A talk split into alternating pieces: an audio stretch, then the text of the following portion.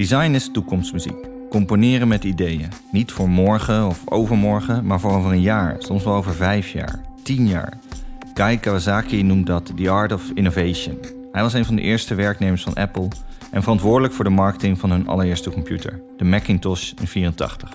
Nu is Guy Kawasaki een VC en zijn TED-talk aan UC Berkeley over innovatie is zeldzaam grappig en treffend. Zo stelt hij dat het goed is om betekenis en nut voorop te zetten. Problemen oplossen waar mensen echt iets aan hebben, dat zal altijd iets opleveren. Niet het geld verdienen zelf tot doel stellen, dan blijf je zwoegen. De kern van zijn betoog is hoe je mee blijft surfen op de golf van verandering. Jump to the next curve. Hoe je als bedrijf of team oog moet hebben voor ontwikkelingen in de maatschappij waarin je leeft en werkt. Om die tijdig te erkennen en waar mogelijk voor te zijn. Om zo in te kunnen spelen op de behoeften en de kansen die daarin ontstaan. Bij innovatieve, relevante bedrijven denk je al snel aan Nike of Amazon in de VS, aan Samsung in Zuid-Korea of aan Mercedes in Duitsland, de eerste autoproducent ter wereld.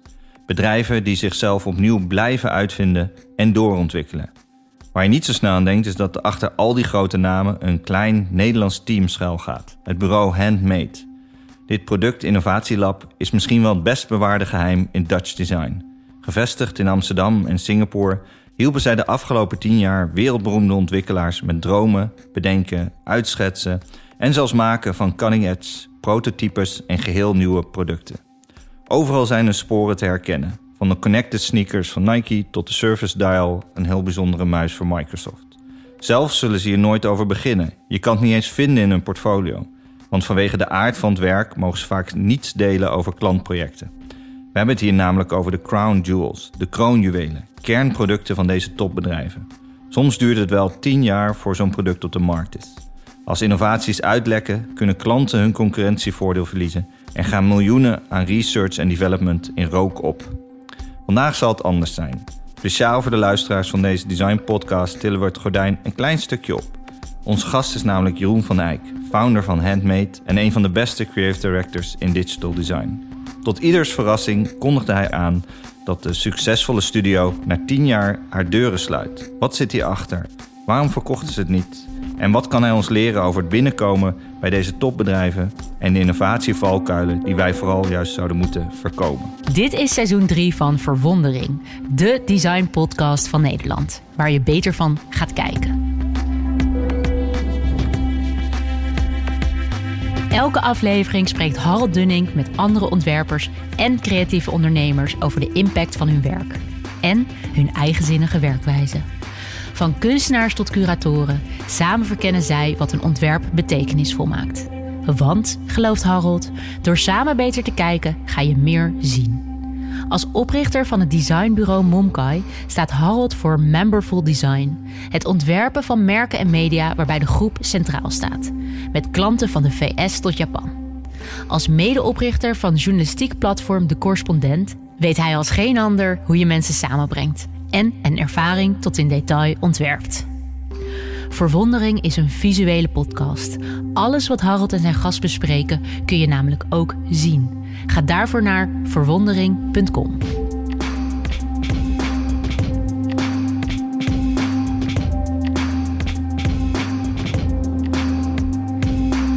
Jeroen, welkom in de ontwerpstudio van Monkai. Um, neem ons eens mee. Je, bent je bent met Nike op het eh, Global hoofdkantoor in Oregon in de VS. Je staat oog in oog met de beroemdste sneakerontwerper ter wereld, Tinker Hatfield. Een hele aflevering op Netflix heeft hij. Wat, wat breng jij daar wat zij nog niet hadden? Ja, dat is een vraag die, uh, die wij wel vaker krijgen. Je, hoort vaak van, oké, maar dat zijn de partijen waar jullie voor werken. Dat zijn de, de, de grootste bedrijven in de wereld. Hoezo gaan die nou met zo'n klein studiootje in Amsterdam samenwerken? Zij hebben diepe zakken, zij kunnen alle beste mensen kunnen ze aannemen. Hoezo met jullie? En ik denk dat, uh, dat er een aantal redenen voor zijn waarom wij met hun mogen werken. En het is ook goed om te zeggen, denk ik, dat wij ook zeker niet alles doen, maar dat wij steeds gevraagd worden voor kleine stukjes werk en niet voor um, alles wat zij doen. Er is echt wel degelijk bij elk van die partijen een, een heel groot team die allerlei facetten onder de loep neemt, uh, engineert, die wij helemaal niet aanraken. Wat was de vraag bij Nike? Nou, Nike was. Misschien is het leuk om even te vertellen hoe dat in het begin ging. Want het is natuurlijk. Niemand komt naar ons toe met een vraag. Niemand komt naar ons toe van: hey jongens, handmade. We hebben dit, uh, dit project wat we met jullie willen doen. We hebben dit probleem wat we opgelost uh, willen krijgen. Um, ja, niemand kent ons. Mm En zij ook niet, totdat wij daar naartoe gaan. Dus we stappen daar naartoe. We proberen de mensen te benaderen die, eh, waarvan we denken van buitenaf dat ze op de juiste plek zitten. Dan gaan we daar naartoe en dan hopen we vaak met een intelligent gesprek over design, meteen al meedenkend, improviserend over waar hun producten naartoe kunnen gaan, proberen we interesse te wekken en dan grijpen we vaak een pilotproject aan om te laten zien wat we kunnen. Maar hoe gaat dat bijvoorbeeld bij Nike? Ben je dan de weus, volgens mij gewoon jij, die daarheen vliegt, of niet? Ja, ik ga er naartoe en uh, soms neem ik ook iemand mee. In dit geval nam ik inderdaad iemand mee. En um, ja, dan, dan, dan hoop je dat je bij de juiste persoon terechtkomt. Dan zit je daar aan tafel. Zij nodigen een aantal, uh, waarvan, aantal mensen uit waarvan zij denken van nou, dat zijn relevante stakeholders. Maar je bent gewoon op uh, LinkedIn, zeg maar, aan het searchen wie zou een goede contact kunnen zijn. Ja, je doet echt wat desk research. Ja. Dat LinkedIn is een van de, van de bronnen die, die ik veel gebruik om eigenlijk toekomstige klanten te scouten. Hè? Het is een beetje zoals met het voetballen. Dat je gaat kijken naar van wat, wat, wat, zijn de, wat zouden de talenten kunnen zijn. Zo probeer ik ook in te schatten van oké, welke bedrijven zijn uh, zo interessant, hebben dusdanig veel potentie... of hebben een dusdanig groot probleem... dat wij daar iets kunnen bijdragen. Nou ja, dan ga je daar naartoe als je de, de kans krijgt. Want het lukt ook vaak niet. Hè? Je komt ook niet overal zomaar uh, op gesprek. Je moet echt uh, ja, de kans gegund worden door zo Mhm. iemand. Er is altijd een individu die een sleutelrol speelt in al onze projecten aan de klantzijde. Mhm. Opdrachtgeverschap en ook het herkennen van goede partners is ook echt een vak. En, uh, en bij Nike ehm, werden we daar uitgenodigd uh, op gesprek. Je moet dan wel al bereid zijn om daar dan gewoon naartoe te vliegen. En Ja. Het risico te lopen dat het geld wat je investeert om, om die reis te maken en dat gesprek te kunnen voeren, dat dat voor niets is. Hè? Dus het is ook wel, je neemt daar al wat risico met een soort van outbound business development uh, rondje. Ja, je, je investeert gewoon eigenlijk in uh, tickets, verblijf, de tijd die je daar doorbrengt. Misschien een collega die je dan meeneemt. Ja, ja absoluut. Het is, uh, de kosten gaan voor de baten, zoals altijd. Ook hier, we gaan er naartoe. Maar heb je dan een speciaal pitch deck gemaakt, zeg maar, voor deze partij? Of laat je juist, hè, omdat je niks kan zien op jullie site, niemand weet eigenlijk wat jullie maken, dat, dat uh, uh, til je dan iets op, uh, zeg maar, van de sluier in zo'n deck? Of heb je, hoe benader je dat? Waarom, waarom zouden ze met jou gaan praten, met deze Jeroen from Holland? In eerste, in eerste instantie, als je ze benadert, moet je natuurlijk een heel goed stukje tekst schrijven. Hè? Dan Ja. ben je eigenlijk al aan het ontwerpen. Je bent eigenlijk al aan het, uh, de verwachting uh, aan het managen. Je bent eigenlijk al een soort van um, ja, setting aan het creëren met taal. Om ervoor te zorgen dat als ze je daar ontvangen, dat je dan ook een podium hebt bij de juiste mensen om te kunnen vertellen wat je doet. En wat wij doen is dan uh, wat ze denk ik noemen de, de skill-based cell. Wij vertellen niet, hey, we maken e-commerce websites en Mhm. um, kijk, uh, hier zie je een aantal varianten van een e-commerce website en die kunnen we voor jou ook maken. Mhm. Wij uh, voeren altijd een gesprek uh, waarop we improviserend op zoek gaan naar wat interessante toekomst zou kunnen zijn voor de producten van zo'n partij. En dan laten we zien, middels een aantal samples, dus gewoon kleine filmpjes van um, capabilities die we hebben. Dus dat kan zijn een stuk software, kan zijn een stuk elektronica, hardware, um, allerlei ontwerpen die we dan zelf maken, die we niet voor klanten maken, die we dan laten zien opdat we denken dat dat passend is voor waar wij denken dat zo'n partij naartoe kan. Mm-hmm. Ja, en, en dan heb je op een gegeven moment een klik of je hebt het niet. Er komt een interessant gesprek uit voort of je hebt het niet. En in het geval van een interessant gesprek ga je dan ook al proberen te formuleren wat dan een interessant pilotproject zou kunnen zijn, zodat je ook kunt bewijzen dat je in de specifieke context van die klant waarde kunt toevoegen. Maar ziet dat uh, dan zo uit dat je enerzijds uh, werk laat zien wat je uh, eerder hebt gedaan, maar wat je misschien niet publiek mag laten zien, en anderzijds uh, ja, soort experimenten laat zien. Eh, Een soort, eh, ik begreep dat jullie een, eh, bijvoorbeeld een, een stof aan het programmeren waren. Dus die zichzelf kan vormen of iets.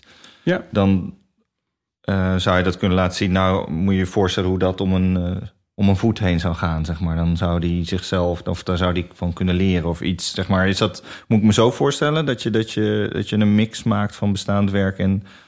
Want ik kan me ook voorstellen dat je dus dan al ideeën weggeeft in die... Ja, ja.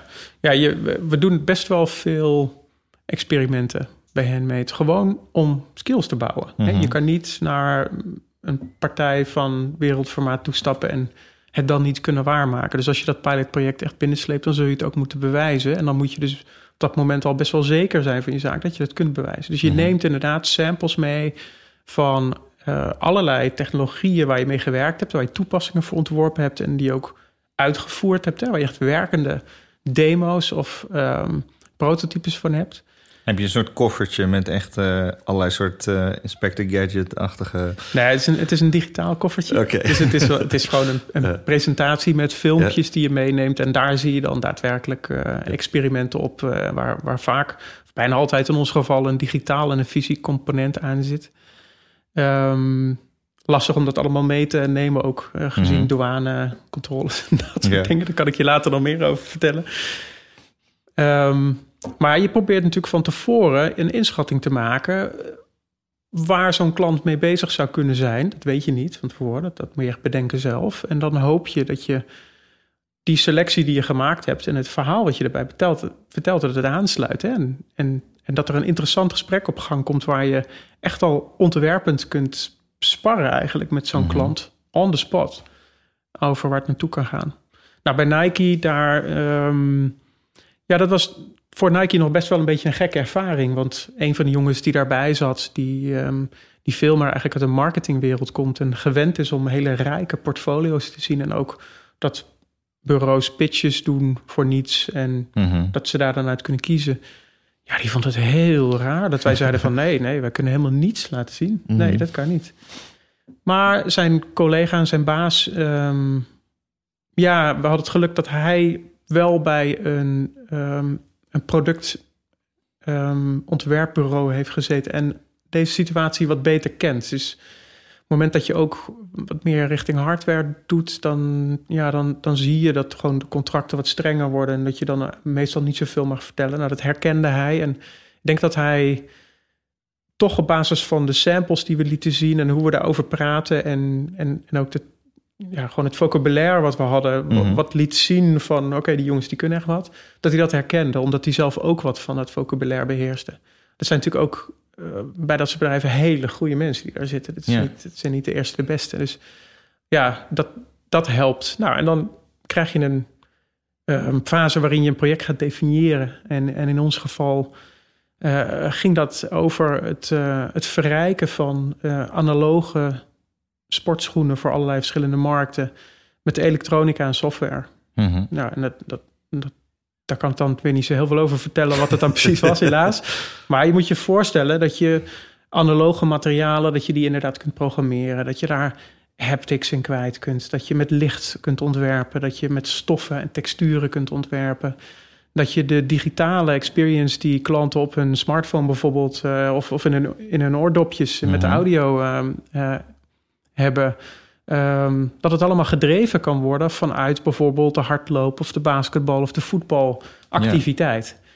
En daar ga je dan ideeën voor bedenken. En in dat geval, nou ja, met Nike hebben we veel ehm, gekeken naar een, eigenlijk een breed scala aan gebruikerstoepassingen voor verschillende sporten. Ja. En ook een aantal lifestyle toepassingen. Praat je dan ook met sporters, zeg maar, hoe zij het ervaren? Die- Niet in alle stadia. In het begin zijn het, is het vooral het team eigenlijk bij Nike. En in een later stadium ehm, krijg je andere afdelingen die dan een rol gaan spelen. En zo heb je bij, eh, bij Nike ook een hele uitgebreide research afdeling... Mhm. die, eh, die echt wetenschappelijk onderzoek doet naar sporters. En daar komen de alle, alle grootheden komen daar... eh, ja, die komen daar letterlijk in zo'n zaal een potje basketballen of een rondje hardlopen. Ze hebben al, al die faciliteiten daar op dat, op dat terrein. Het is echt fantastisch. Ja, alle Nike-atleten komen daar. Ja, alle, alle Olympische Kevin Durant een keer eh, dat hij... Kevin eh, Durant, ja. ja en zij hebben dus ook op hun terrein hebben ze hele mooie sportfaciliteiten. Die zijn ook allemaal vernoemd eh, Ja. naar dit soort legendarische sporters Ja, die, eh, die Nike-atleten zijn of waren. En zo, zo vind je daar eh, een soort eh, route door de campus met allemaal ja, eerbetonen aan, aan Ja. volledige historie aan, aan, aan legends. Dat is echt prachtig. ja en, eh, een, een, eh, het adres van het hoofdkantoor is ook One eh, Bowerman Drive. En Bowerman is degene die dan eigenlijk die, eerst, die zelf... Van de waffle. Oh ja, van de Waffle, die, die zelf atletiek bedreef, een groot sporter was. En die, die, de, die de schoen, Ja. de, eigenlijk de eerste schoen van Nike zo ontwierp. En, en daar ook eigenlijk als sporter zijn ervaring toepast in het ontwerp van de, ja, de Waffle. Kan je iets uitleggen over de Waffle? Is dat... Nou, het is een, eh, het is een heel mooi boek. Van Phil Knight. Ehm, dat is echt wel een aanrader om, om eens te Shoe lezen. Dog. Of te, Shoe Dog, inderdaad. Ik heb hem geluisterd, het audioboek. Ja, Ik vond hem erg goed verteld ook. ja. En daar hoor je... Vertelt hij het dan zelf? dan, dan heb je eh, Phil Knight, eh, die... ehm, ik weet eigenlijk niet of het Phil Knight is. Denk- ik, weet denk niet. ik denk dat het ingesproken is, maar het is goed ingesproken. Ja. Je, je waant je helemaal op reis met Phil Knight. Ja, dat is eigenlijk hoe ik het ervaren heb. En wat daar mooi aan is, is dat, dat je dus even meegenomen wordt in de historie. Dus de hele periode voordat het überhaupt Nike was. Dat het nog Blue Ribbon heette. Dat ze echt nog, volgens mij importeerden ze Onitsuka Tigers in die Ja. tijd. En dan, dan, dan hoor je ook hoe die Bowerman met zijn atleten ehm, in, ehm, in Oregon bezig was om dat materiaal steeds beter te maken. En het ging eigenlijk op een hele bekende manier voor ons bij Handmade. Want het was Ja. eigenlijk prototyping wat hij deed. Hè? Ja. Hij had een design idee en hij ging dan vervolgens gewoon met materiaal ging hij ehm, aanpassingen maken aan Ja, knutselen eigenlijk. Hij hè? knutselen. Ja. En hij ging zijn atleten rondjes laten lopen op, eh, op de atletiekbaan daar. Is het jaren 70, denk ik? Ja, zoiets. weet niet ja. precies. Ja, hele tijd geleden. Nou ja, en op een gegeven moment is het natuurlijk Nike geworden, en het beroemde bedrijf. Maar ehm, ik denk dat dat, dat pionieren, dat ehm, wat die Bowerman al bracht, dat is nog steeds bij een heel aantal afdelingen bij Nike eh, ja, een beetje de, de geest. En er is natuurlijk ook een gigantisch ander deel van het bedrijf aan vast. Hè, met Ja. eh, een enorm logistiek apparaat en een, eh, een, een hele knappe marketingafdeling. Ja. En het- is echt gigantisch natuurlijk tegenwoordig. Zoals bij alle, alle klanten eigenlijk waar we mee werken, werken wij altijd met het kleinste afdelingje. Ja. Iets wat Wat eigenlijk... is klein, eh, zeg maar? nou, dat soort afdelingen, dat zijn vaak, eh, die zijn vaak niet heel veel groter dan Handmade. Dan heb je het echt over 20, 30 man. Hè? Ja. En ze hebben vaak wel meer dan één innovatieafdeling. En ook wel toegespitst op specifieke onderdelen. Ehm, de, de ene richt zich eh, misschien op schoenen... en de andere misschien meer op apparel. Maar ook binnen de afdeling eh, die bezig is met schoenen... eh, zijn er ook echt weer allerlei technologieën die overwogen worden. En dan, dan, dan ga je bijna op, op technologie of op sport... ga je bijna specialiseren hè, binnen Ja. zo'n bedrijf. Maar... ehm, Wat is dan voor jou de definitie van innovatie? Nou, de definitie zoals wij hem hanteren is dat wij altijd proberen van de gebaande paden af te blijven en iets nieuws te brengen. Dus, en met iets nieuws niet zomaar iets omdat het er nog niet is, want er zijn een hele hoop ehm, dingen die je kunt bedenken waarbij, waar, ja, waarvoor je een patent zou kunnen aanvragen, waarvoor je een formeel stempeltje zou kunnen krijgen van oké, dit is nieuw. Mhm. Maar dat wil niet zeggen dat iemand er dan ook nog wat aan heeft. Hè? Dus wij vinden het heel fijn om het soort innovatie te bedrijven wat technologie, psychologie, sociologie, eh, ontwerp combineert. En we vinden het ook heel fijn om dat dan in, in het begin, wanneer we nog op papier bezig zijn, een hele grote stappen te doen, ver Mhm. vooruit en dan Mhm. terugrekenen. En wanneer we gaan maken, eh, in hele kleine iteraties juist iets Mhm. te doen. Ehm, dus dat werkt eigenlijk vanuit twee kanten. Je, je, je, je denkt eerst in horizons, dus bepaalde hoeveelheid jaren vooruit. Hoeveel meestal? Ligt aan de klant. Partijen als Mercedes, autobedrijf, zij hebben een cyclus die ehm, ja, om een model te ontwikkelen is vaak een jaar of 7, 8. Maar een, eh, een partij is Nike, nou, daar, daar- kan je ook al denken aan twee, drie jaar. Want die schoenen, die zien wij ook, toch? We kunnen, zien in de winkels, die connected eh, shoes. En ehm, daar Ja. zijn ook alweer iteraties over aan het gaan. Zeker, ja. Zullen die ook eh, eh, in, de, in de gallery stoppen van eh, verwondering.com? Dus als je nu geen beeld hebt van die schoenen, dan kan, je dat, kan je ze daar ook vinden. Ja, ik denk dat het, zijn hele leuke voorbeelden. Nike heeft ooit voor Back to the Future Ja, de, ja. de auto-lacing shoes gemaakt voor Marty McFly. Dat is een beetje waar het begon en het was natuurlijk een beetje een gek ideetje. Later is dat echt tot een afdeling eh verworden die, die, die serieus, ja, een serieuze business unit is die, die echt die schoenen maakt. Ze hebben zelfs die schoenen echt nog gemaakt, toch? Dus dat waren Ja. die zelf, dat de veters zichzelf... eh, dat, die zijn toch ook een beetje inspiratie geweest, toch? Bij de Connected Shoot. Dat die, want die schoenen in, de, in, de, in die eh, bekende Hollywoodfilm... eh, kan hij zelf zijn veters strikken. En dan gaat hij op een airboard, eh, Ja. gaat hij dan eh, skateboarden. Ja, dat klopt. En die, die hebben ze eerst hebben ze daar een prototype van gemaakt. En dat was, ja, dat was denk ik meer toch een soort media-event. Dat was Ja. volgens mij op dat moment nog niet echt ehm, het idee om dat daadwerkelijk naar de markt te brengen. Misschien voor een paar sneaker freaks die daar Ja, was geen Dragen neerleggen. Ja, bijna meer een museum piece dan Ja. een, een, eh, een massaproductie eh, verhaal. En, en nu zijn dat echt schoenen die, die je kunt kopen in de winkel. Die beginnen dan wel met een prijs die eh, voor de meeste mensen echt eh, enorm hoog is. Hè. Die echt wel op die, die sneaker freaks gericht in het begin. Mhm. En op natuurlijk de, ja, de beroemde Nike-atleten die nu actief zijn. Hè? Die basketbalschoenen. Ja. Dat, eh, dat begon wel echt met die atleten. En dat hebben ze ook gedaan. Met, ze hebben specifiek basketbal gekozen... omdat dat echt een hele heftige sport is voor een schoen. Want al die enorme kerels die, daar, die Veel daarin impact. zitten. De Ah, ja. impact die je dan Ja. krijgt. Als, een, als ze elektronica zouden kunnen verwerken in een schoen...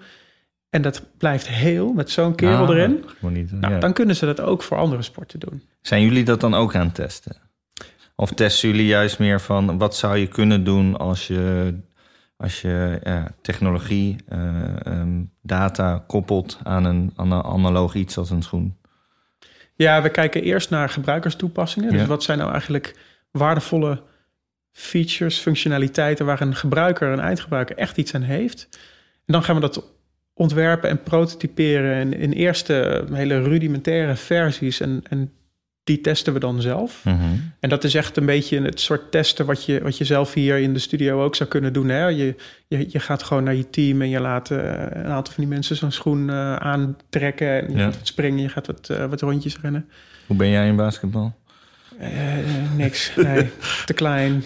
Je was Nee. trouwens wel een atleet, toch? Vroeger je hebt eh, op heel hoog niveau nog eh, atletiek gedaan. Atletiek, ja. ja. Ik helpt, dat nog dan even- bij, helpt dat bij het ontwerpen van zo'n... Van... Nou ja, als je een atletiek schoen gaat maken wel, maar ik denk er zijn zoveel sporten waar zij in bezig zijn die wij, ja, waar ik zelf helemaal geen ervaring mee heb. Dat kan ik ook niet beoordelen. Dan moet je toch echt wel werken met, eh, met ervaringsdeskundigen en ook met de wetenschappers die zij dan in dienst hebben. Hè? Mhm.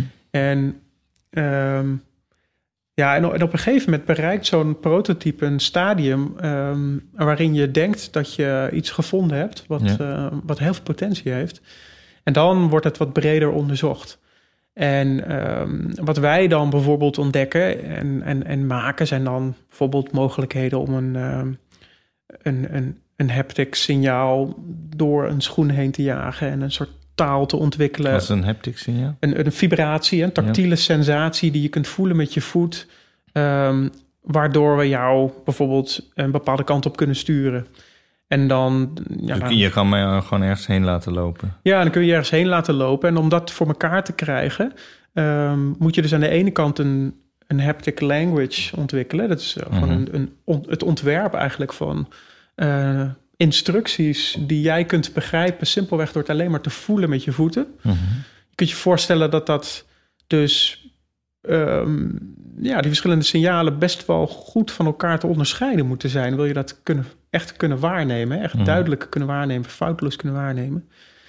En, ehm, en, en dan kom je er dus achter dat eh, bijvoorbeeld het gewicht van een persoon en ehm, de, de bolling van je voet, bijvoorbeeld, dat het enorm veel eh, invloed heeft op of je dat wel goed kan voelen of niet. Mhm. Nou, en dan, dan merk je wel van oké, wij kunnen dat aantrekken. Maar ehm, op het moment dat een hele grote basketballer dan zo'n schoen aantrekt, dan, eh, oh ja, oké, dat is dus dat signaal is echt sterker. En we voelen dat dat signaal door de druk van de voet gewoon, ehm, ja, dat er eigenlijk weinig van overblijft. Dus dat, daar moet je dan voor ontwerpen. Dan ga je kijken naar de, de constructie van de schoen. Hoeveel ruimte hebben we dan? eh, ge- ge- ja, als we het ontwerp, de vormgeving, echt de styling van de schoen ehm, intact laten. En heel vaak krijg je dan dat er een soort van platform ontwikkeld wordt. Eigenlijk net als met auto's. Je, Mhm. je, je creëert een soort van platform waar een haptic motor in zit. Of waar een bepaalde software architecture eh, Wat bedoel mee je kan met werken. een, is een platform? Letterlijk de constructie in de schoen die eh, ervoor zorgt dat er, eh, het motortje wat erin zit en de ledjes die erin zitten, dat die op een hele stabiele manier zijn plek krijgen. En eh, dan kun je vervolgens die basis gebruiken voor allerlei eh, verschillende modellen schoenen. Ah. Dus dan heb je bij eh, Nike de, Tinker Hatfield-achtige jongens... die dan echt puur op styling, identity brand... Hè, de Mhm. Jordan brand, dat soort... Hij ontwierp ook een aantal Jordan schoenen. Ja, die, die, Ja. zij- daar hebben ze Of een hele afdeling voor... ja. met allemaal hele, hele creatieve jongens... die die fantastische vormgeving ontwikkelen. Eh, en daar moet zo'n platform, om het technisch te noemen... dan mee kunnen werken. En Want- andersom. Want ehm, eh, je werkt ook voor eh, Mercedes-Benz in, in Zuid-Duitsland. Een platform daar, dan is misschien nog wel duidelijker uit te leggen eigenlijk. Dat zijn de mo- hè, er is een bepaald frame van de auto. Een bepaald chassis waar de wielen zitten. Een bepaalde lengte, een bepaald soort motors... waarmee je verschillende varianten van een auto kan maken. Ja, dus heel vaak... Kijk, de, de ontwikkeling van een auto is heel kostbaar. Dus zij willen zoveel mogelijk hergebruiken. Mhm. Eén keer ontwikkelen, vaak hergebruiken. Dat maakt het wat rendabeler. En dan zie je inderdaad dat de, de, ja, de bodemplaat van een auto dan voor meerdere modellen ehm, gebruikt wordt. Dat de auto's ontworpen worden op die, die ondermaat eigenlijk. Soms Elektrische- zelfs eh, voor meerdere merken ook, toch? Dat een, Ja, een- dat kan ook. Een Skoda en een Volkswagen eenzelfde onderliggende Ja. frame hebben eigenlijk. Ja, en, en zelfs ook merken die niet binnen dezelfde groep vallen. Je hebt die hele kleine, eh, compacte au- stadsautootjes. Toyota Aygo, Mhm. Citroën C1, Peugeot 108 tegenwoordig. Nou ja, dat is allemaal dezelfde auto met hetzelfde motortje. Dus daar kun je zeggen van... oké, we hebben het hier over één platform... maar we hebben verschillende merkuitingen... die daar bovenop ontworpen worden. Maar hoe kan dat dan? Is het dan, eh, zeg maar, is, dat- zijn de, want die merken die je net noemde, vallen die dan onder één familie? Ik dacht dat dit concurrerende merken waren. Zij con- eh, een deels concurrerend, Peugeot, Citroën hoort bij elkaar. Maar Toyota is echt inderdaad een ander Ja. bedrijf, een concurrent. En die kiezen er dan voor om een strategische samenwerking aan te gaan... om die markt van die hele kleine stadsautootjes eh, te winnen. Dus, dus zeg maar, waar de wielen zitten en, en hoe je stuurt en zo, dat is dan, dat, dat zou je dan een platform noemen? Toch? Daar kan je een, de rest van de auto opbouwen. Is dat wat je bedoelt? Met Ja, dus, dus als je zeg maar de, de vormgeving, de esthetiek van de auto helemaal weghaalt... ehm, dan eh, wat daar dan overblijft is een, eh, een chassis, een aandrijflijn... ehm, een bepaalde ehm, motor die daarin Ja. gaat. Elektrische auto's is nog makkelijker, hè? Daar zie je vaak, of niet makkelijker, maar makkelijker te zien. Ja, Daar zie je dat ze vaak gebruik maken van wat ze noemen een skateboardmodel. Dat is echt een soort plaat met batterijen erin en een, eh, en, en een aandrijfmotor. dat, dat is de hele bodem van de auto. De hele bodem een soort van de hele auto. dikke batterij. Ja, heel plat. En daar kunnen ze dan allerlei constructies bovenop bouwen... die dan uiteindelijk de functie en de vorm van de auto bepalen. Nou, dat zie je dus bij... ehm, zodra je dus ehm, connected technology in een stuk textiel gaat brengen... zoals met een schoen, zie je dan precies hetzelfde gebeuren. Er moet een soort... ehm, ja, elektronica en softwarebasis worden gelegd. Ja. Waar bovenop jij verschillende vormgevingen kunt toepassen. En die architectuur, zo zou je het Ja. misschien ook kunnen noemen, is ehm, voor een hardloopschoen eh, misschien net wat anders dan voor een basketbalschoen. Ja. Maar de hele lijn van basketbalschoenen zou voor op hetzelfde model gebaseerd kunnen zijn. Pinker Hatfield was ook ooit een architect. Dat is grappig. Ehm, ehm, ik kan me ook voorstellen dat zo'n figuur nog steeds gewoon een symboolfiguur is binnen zo'n grote organisatie. Dat, eh, je werkt ook bijvoorbeeld met Gordon eh, Wagner bij eh, de Chief Design Officer bij, bij Daimler. Maar ja, daar omheen zitten tig en tig designers. Ja. Hoe, hoe ik zie je lachen. Hoe, hoe, want ik kan me voorstellen, kijk, bij, bij Nike zien we een kleine schoen en die past op mijn voet. En dan kan je die connected maken. En ik kan me voorstellen, een auto is chock en chock vol met allerlei hele complexe, nou, een motor, eh, allerlei complexe onderdelen. Ehm, w- welk specifiek onderdeel gingen jullie daar dan ontwerpen? Zeg maar dat je, is dat ook connected of hoe, de, hoe, hoe je met die auto kan interacteren in de toekomst? Hoe, hoe moeten we ons voorstellen? Dat laatste voornamelijk. Het is allemaal design for interaction of Ja. user experience. Ehm, Dus hoe de gebruiker interactie heeft met die auto. In, jou, in jullie visie, rij, eh, rij, rij ik daar nog zelf? Of ben ik gewoon eh, vooral eh, een, een passagier? ligt een beetje aan hoe ver je vooruitkijkt. Eh, De belofte van autonoom rijden is groot. Maar ik denk dat inmiddels ook wel de realisatie is gekomen dat autonoom rijden in een, op een gesloten weg, hè, zoals een snelweg, Ja. te doen is. Goed te Ja. doen is. Kan op korte termijn. De meesten kunnen het nu al wel eh, realiseren, de meeste autofabrikanten. Maar zodra we een stad als Amsterdam bijvoorbeeld binnenrijden, dan is het een heel ander verhaal. En dat gaat nog best wel lang duren, denken wij. Wanneer, Eh, wanneer denk je dat het er is? Of krijg je heel lang een, een, een mix van autonoom en, en ehm, zeg maar die, die gevaarlijke mens die, die Ja, zo grillig is achter Ik denk dat dat wel een, eh, een heel reëel scenario is. Dat wanneer we een toekomst voor ons zien waar alles autonoom is, dan is het vrij eenvoudig. Mhm. Want dan zijn het gewoon systemen die eh, weten van elkaar waar ze zijn en op elkaar kunnen anticiperen. Maar Heb je niet eens meer verkeersborden nodig en zo, toch? je hebt geen Nee. verkeersborden meer nodig. Je kunt een soort van eh, liquid traffic system bedenken, waardoor eh, al het verkeer, waar ze ook zijn, direct weet wat er om zich heen afspeelt en daarop kan aanpassen. Verzin jij dan ook dit soort termen in jouw presentaties? Of is dit dan een liquid traffic system? Ik kan me voorstellen inderdaad dat als je, alles, als je het zo kan ontwerpen... dat, eh, dat alles geautomatiseerd is. Dat je, je kan veel dichter op elkaar rijden, die auto's. Ja. Ze rijden allemaal super efficiënt dezelfde snelheid. Ze schakelen gewoon in. Ja. Je hebt geen grillige links-rechts ineens. Nee, maar dit zijn dus wel, dit zijn precies het soort scenario's waar wij dan over nadenken. Van, nou oké, laten we eens even aannemen dat alles autonoom is. Ehm, wat verandert er dan in de user experience? Nou, en voordat je daar bent, heb je nog een transitie te gaan. Hè? E- Eerst hebben we nog van, oké, de mens moet even wennen aan dat een auto zelf gaat rijden, zelf beslissingen gaat nemen. Hoe laat je dan zien wat die auto voor gedrag gaat vertonen zometeen? Hoe laat je zien aan de mens die daar nog in zit, die zich comfortabel wil voelen dat alles veilig gaat? Kun je die persoon ook nog ehm, laten beïnvloeden? Kan, kan, daar dan, Mm. kan die dan gewoon een stem in hebben zo- zonder dat hij echt aan het stuur zit, hè? Mhm. zonder dat hij direct de auto bestuurt? Is er nog een stuur? Ehm, nou, voorlopig nog wel, maar op een gegeven moment kun je afvragen van... hé, hey, als ik niet meer zelf ga besturen, heb ik nu Ja. ook geen stuur meer nodig. Maar Nee. ik heb wellicht wel een middel nodig om nog enigszins te beïnvloeden...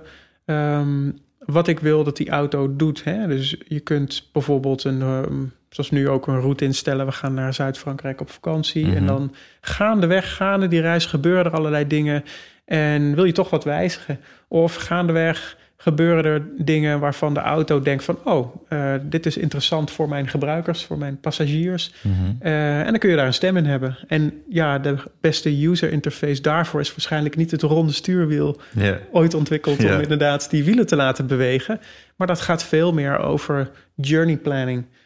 Ehm, dus de rol van de bestuurder gaat dan stap voor stap veranderen van een hele actieve naar een veel meer passieve rol. En dan vraagt zich nu iedere autofabrikant ook al een tijdje zich af van, goh, wat gaan we dan doen in de auto? Hè?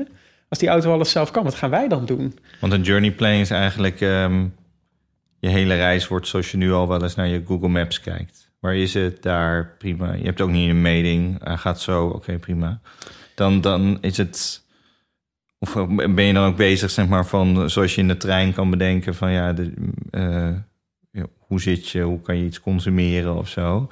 Je krijgt natuurlijk... Ik kan me voorstellen, heet het, je blijft nog in die mix van...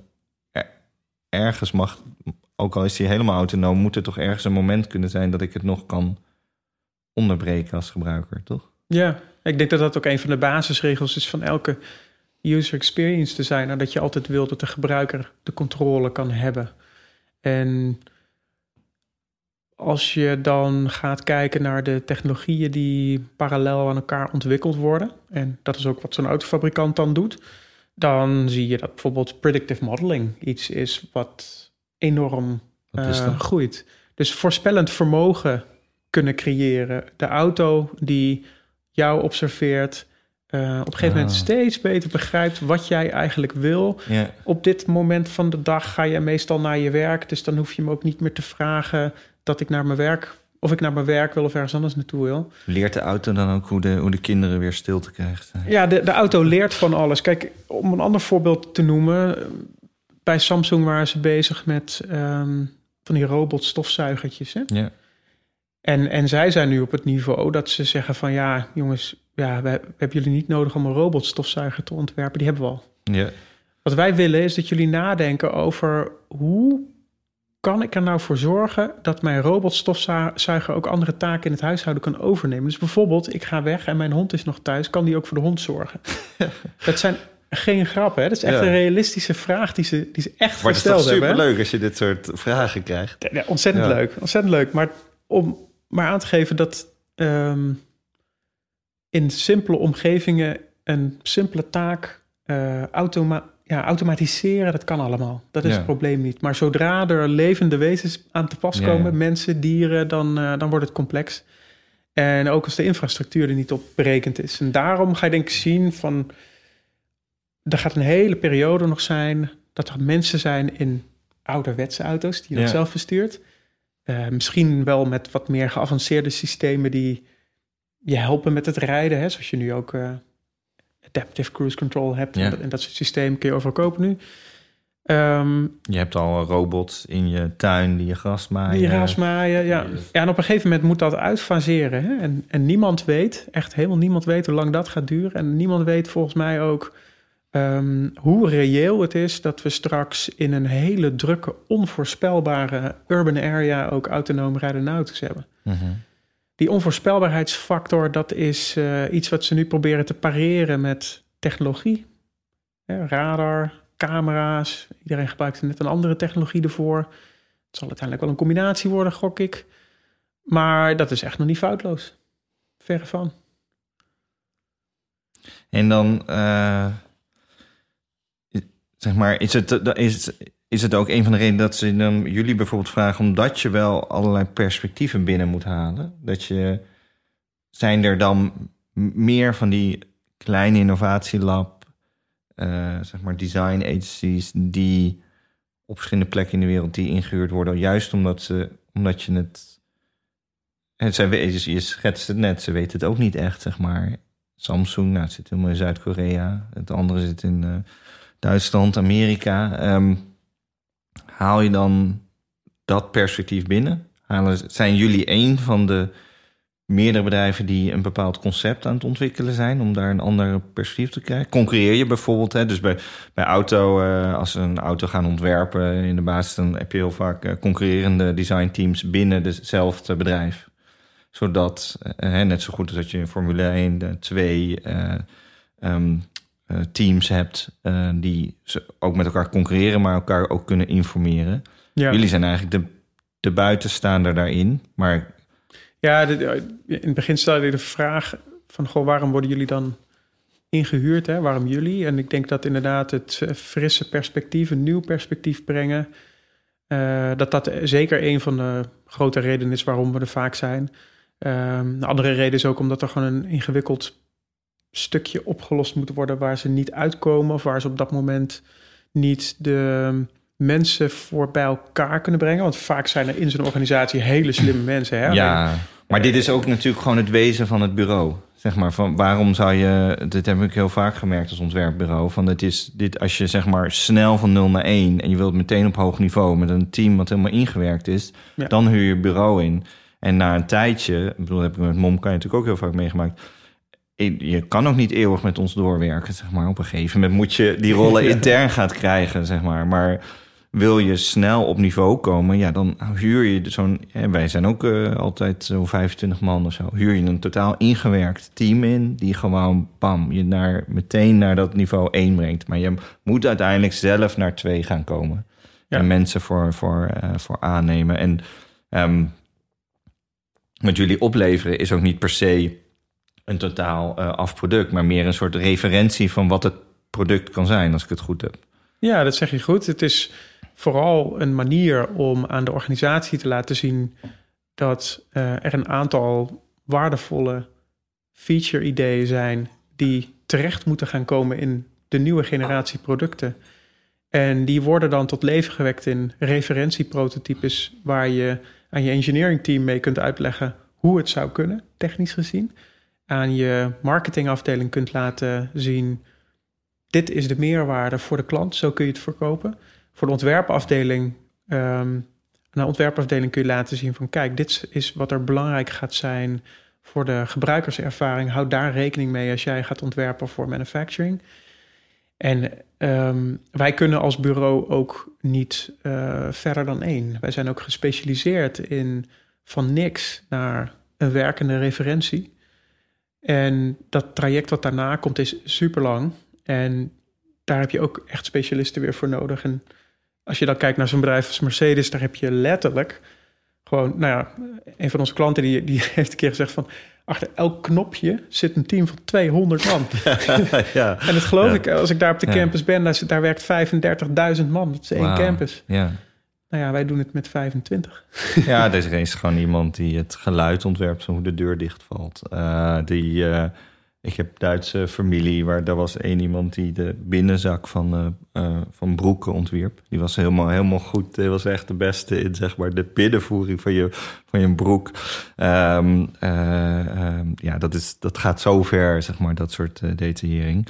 jullie zijn dan heel goed in 0 naar, naar 1. Ja. En nu wil je weer terug naar nul. ja. Waarom zou je stoppen als je op zo hoog niveau... Je zit al op de Olympische Spelen van het, uh, van het designwerk. Ja, en dat heeft eigenlijk niet zo heel veel te maken met dat het werk niet interessant is. Want um, wij zijn handmade begonnen omdat we wilden pionieren. Dat, dat, dat vooropgesteld. Wij waren intrinsiek gemotiveerd om inhoudelijke kwaliteit te leveren. We wilden pionieren, wilden innoveren. We hadden niet per se een business model in gedachten. We wilden gewoon hele interessante dingen maken. Dingen maken die kwalitatief hoogwaardig waren, die waarde vertegenwoordigden voor de eindgebruikers, voor de klanten. En um, dan kom je op een gegeven moment uh, erachter dat als je dan als twee designers, ik doe het met mijn compagnon, uh, co-founder Matthijs Braamhaar. Als twee designers, interaction designers eigenlijk, dat je dan, uh, ja, dan word je ondernemer, dan ga je zo'n bureau starten. En dan kom je erachter dat, um, ja, dat je steeds voor een klein stukje wordt ingehuurd. Mm En naarmate je capabilities als groep, als team steeds groter worden, wil je ook meer doen.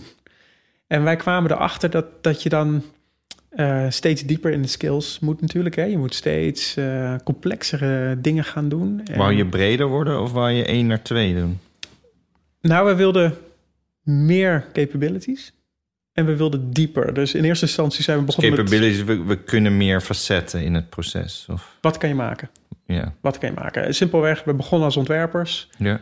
Vervolgens gingen we software development erbij pakken. Mm -hmm. Vervolgens gingen we electronics development erbij pakken. Mm -hmm. Op een gegeven moment werd software development, werd software intelligence. Op een gegeven moment werd uh, sensora en aan elkaar knopen. Uh, dat, dat werd echt engineering. We gingen echt Mhm. systems on chip maken. Uh, dus dat ging op een gegeven moment zo ver dat je op een gegeven moment denkt van ja, maar we kunnen nu zoveel. Waarom worden we eigenlijk steeds voor dat ene stukje ingehuurd? En dat is Mhm. natuurlijk typisch consultancy, zoals je ook weet. Um, maar de inhoudsman wil meer. Mhm. en de klant niet. Want de klant Ja. vindt het juist heel fijn dat je een team kunt inhuren. En voor dat ene stukje met zo verschrikkelijk veel capabilities. dat ze voor een heel overzichtelijk bedrag heel ver kunnen komen in een hele korte tijd. En dan staat daar dat grote leger van de grote productmaker klaar. die, daar, uh, ja, die dat overpakt en die dan uh, dat tot de markt brengt. Dus je, daarmee bedoel je, dat zijn die vele mensen intern bij zo'n bedrijf die vanuit die referentie het dan helemaal doorontwikkelen tot een product wat wij als gebruikers, consumenten in de winkel zien. Ja, neem Amazon als voorbeeld. Het team waar wij mee werken bij Amazon is een heel klein team. En dan ontwerpen en prototypen we een nieuw Wat is klein? device. Dat, dat, dan heb je het ook over, over 30, 40 man. Ja. Maar Amazon is misschien, volgens mij is het, het grootste bedrijf Ja. ter wereld inmiddels. Eh, ja, dan tel je natuurlijk wel ook alle logistiek en retailers en zo ja. bij. Hè? Maar, maar dan nog, het is een heel groot bedrijf. En de productieversies van elk product, van elk stuk software, daar zitten legers op van 500 tot 1000 mensen. Ja, dat is echt wel een andere orde. Hè? En, en dus, maar wij ontwikkelen dan die hele referentie en dat gaat dan meteen naar zo'n team. Ofwel design for manufacturing, engineering of Mhm. software development, machine learning. Dat, dat, soort, dat soort takken waar ze echt een leger klaar hebben zitten.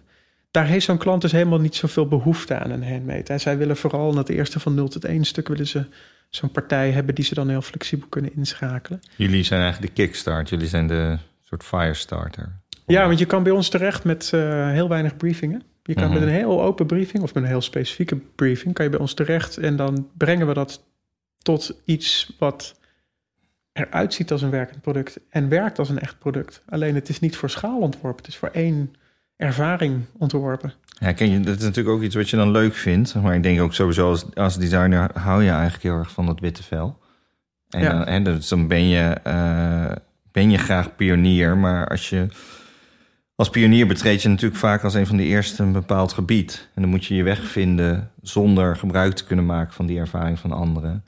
En is dat nu wat je dan ook opbreekt als ondernemer? Ik kan het samenvatten in twee redenen. De ene is dat wij een team hebben wat steeds geavanceerdere dingen kan en ook wil.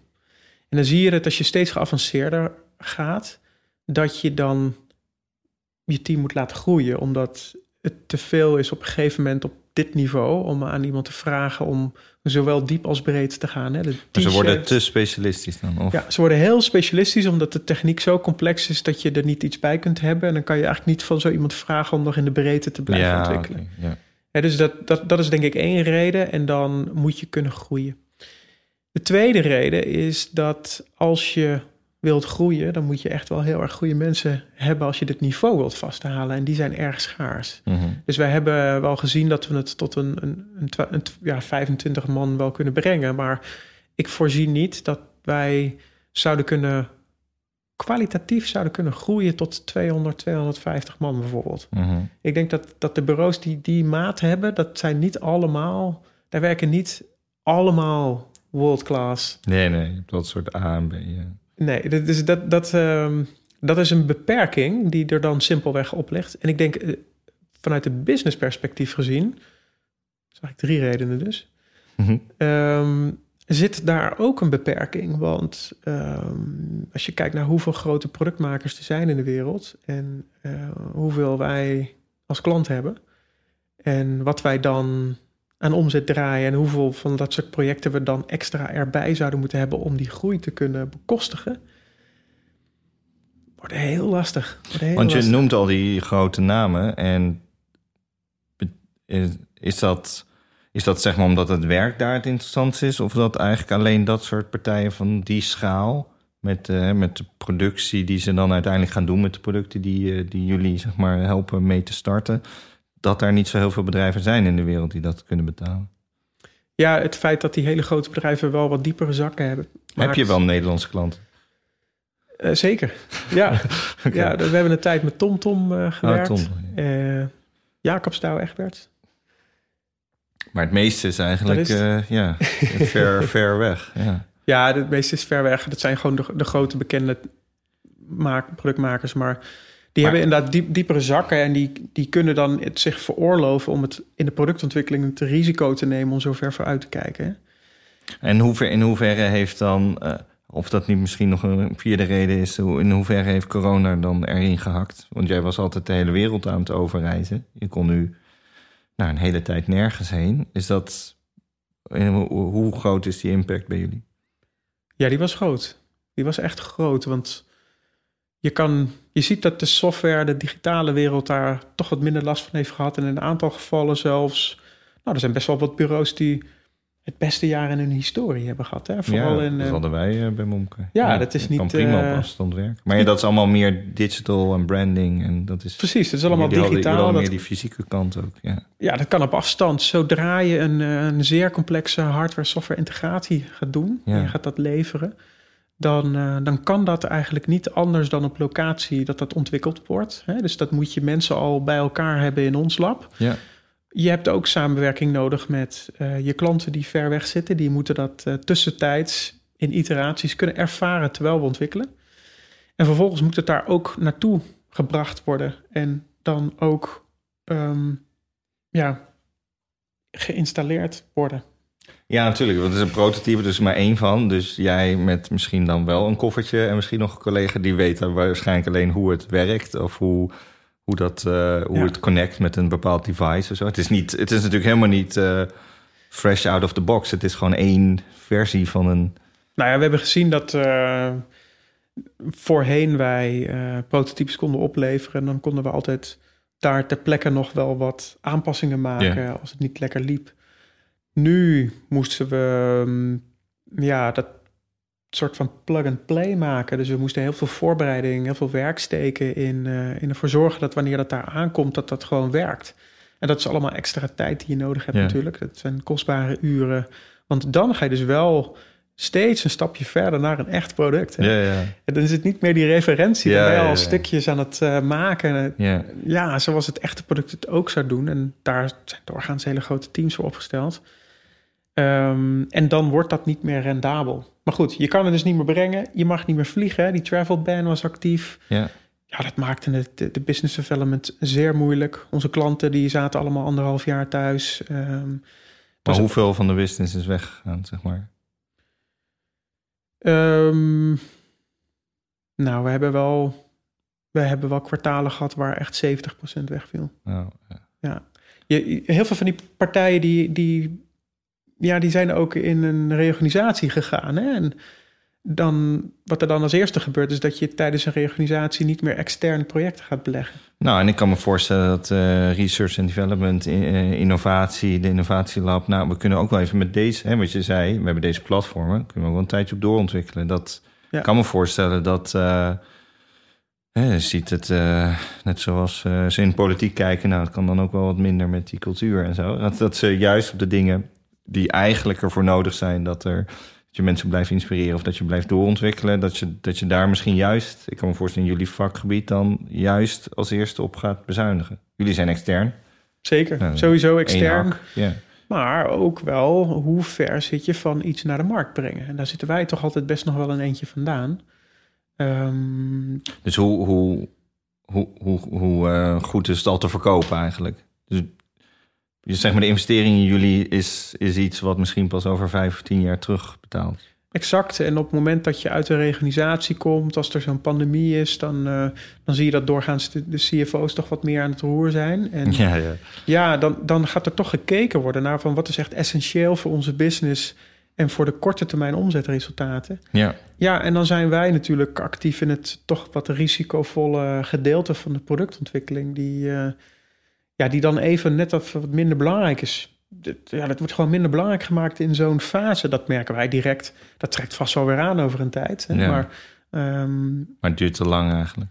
dat duurt te lang. En ik denk dat ehm, een andere reden voor ons ook is dat het wel qua business behoorlijk repetitief werd. Hè, Dus wij hebben best wel veel mensen die toch de behoefte hebben om een echt product te maken. Ja. En ehm, voor mijzelf merk ik dat met name dan die business development waar we mee Ja. begonnen in, in dit gesprek. Dus business development is zeg maar het krijgen van nieuwe opdrachten, mensen benaderen, proberen eh, mensen te interesseren eigenlijk voor jullie dienst. Ja, dat dat, dat dat erg veel hetzelfde werd ook. En, eh, en dan ga je als inhoudsman snakken weer naar heel veel meer conceptwerk doen. Mhm. En ehm, ja, bij mij kwam ook wel die behoefte van... ik wil het ook wel eens wat verder brengen dan dat referentieprototype. Hoe mooi dat ook is. Dus ga je nu een product maken? Ik denk er wel over na. ja. We zijn natuurlijk nu nog eh, volop bezig met eh, afscheid nemen van Handmade en ons team. Ehm, maar ik denk dat de volgende stap, de kans groot is dat ook Matthijs en ik weer samen gaan werken. En dat we naar een, uh, ja, een product gaan ontwikkelen. Ja. Welke technologie word je het meest warm? Ik heb daar niet zo'n voorkeur voor. Ik ben ook eigenlijk helemaal niet zo'n technologisch ingesteld persoon. Nee? Nee, je zou, ja, ik weet niet. Je zou verwachten dat je thuis en overal gadgets, maar... Nou, nou, ik heb heus wel zo mijn IoT-dingetjes in huis, maar um, dat is misschien het mooie ook van Handmade. Het, ja, het team bestaat uit zo'n ontzettend divers pluimage mensen. Mhm. Met zulke verschillende interesses en zulke verschillende uh, skillsets ook. Dat um, ja, het soort project wat wij doen, niemand in dat team kan het alleen. Weet je, we hebben elkaar echt nodig. Daar is het op gebouwd. We wilden Mhm. enorme diversiteit hebben. Met alle soorten materialen en technieken kunnen ontwerpen. Ehm, van licht tot stof, tot plastic, tot elektronica, software, intelligence, alles.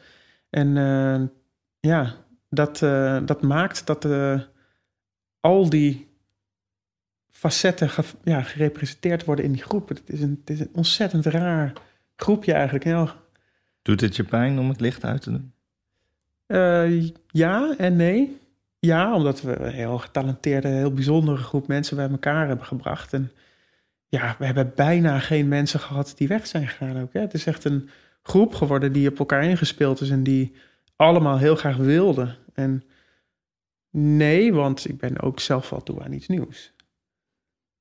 Dus je wil eigenlijk van handmade, nu wil je zelf iets maken, dat jij het in je handen hebt. Dat het geen prototype meer is. Ja, ja. Verder, verder dan één. Mooi, super. Dankjewel, leuk dat je er was. Superleuk dat ik nu een keer uh, aan de andere kant zit. En voor iedereen die, uh, die nog uh, benieuwd is waar, we het allemaal over hadden, of de ontwerpen, of uh, heel misschien mogen zelfs nog wat schetsen in de, in de gallery van Jeroen, dan kan je die vinden op verwondering.com. En natuurlijk ook de video van Guy Kawasaki, The Art of Innovation. Voor iedereen die naar dit hele verhaal geïnspireerd is om zelf aan de slag te gaan. Dat is echt een heel fantastische video, dus die zetten we er ook in. Dankjewel, Jeroen. Dankjewel.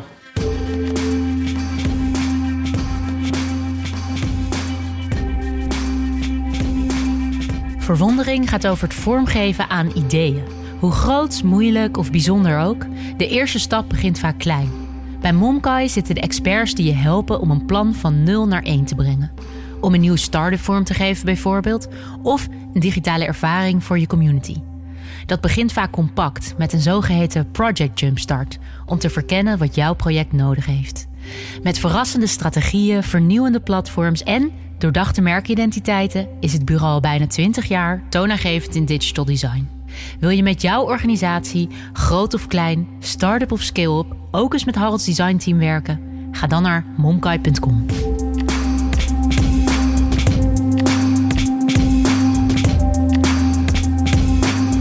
Als bonusvraag.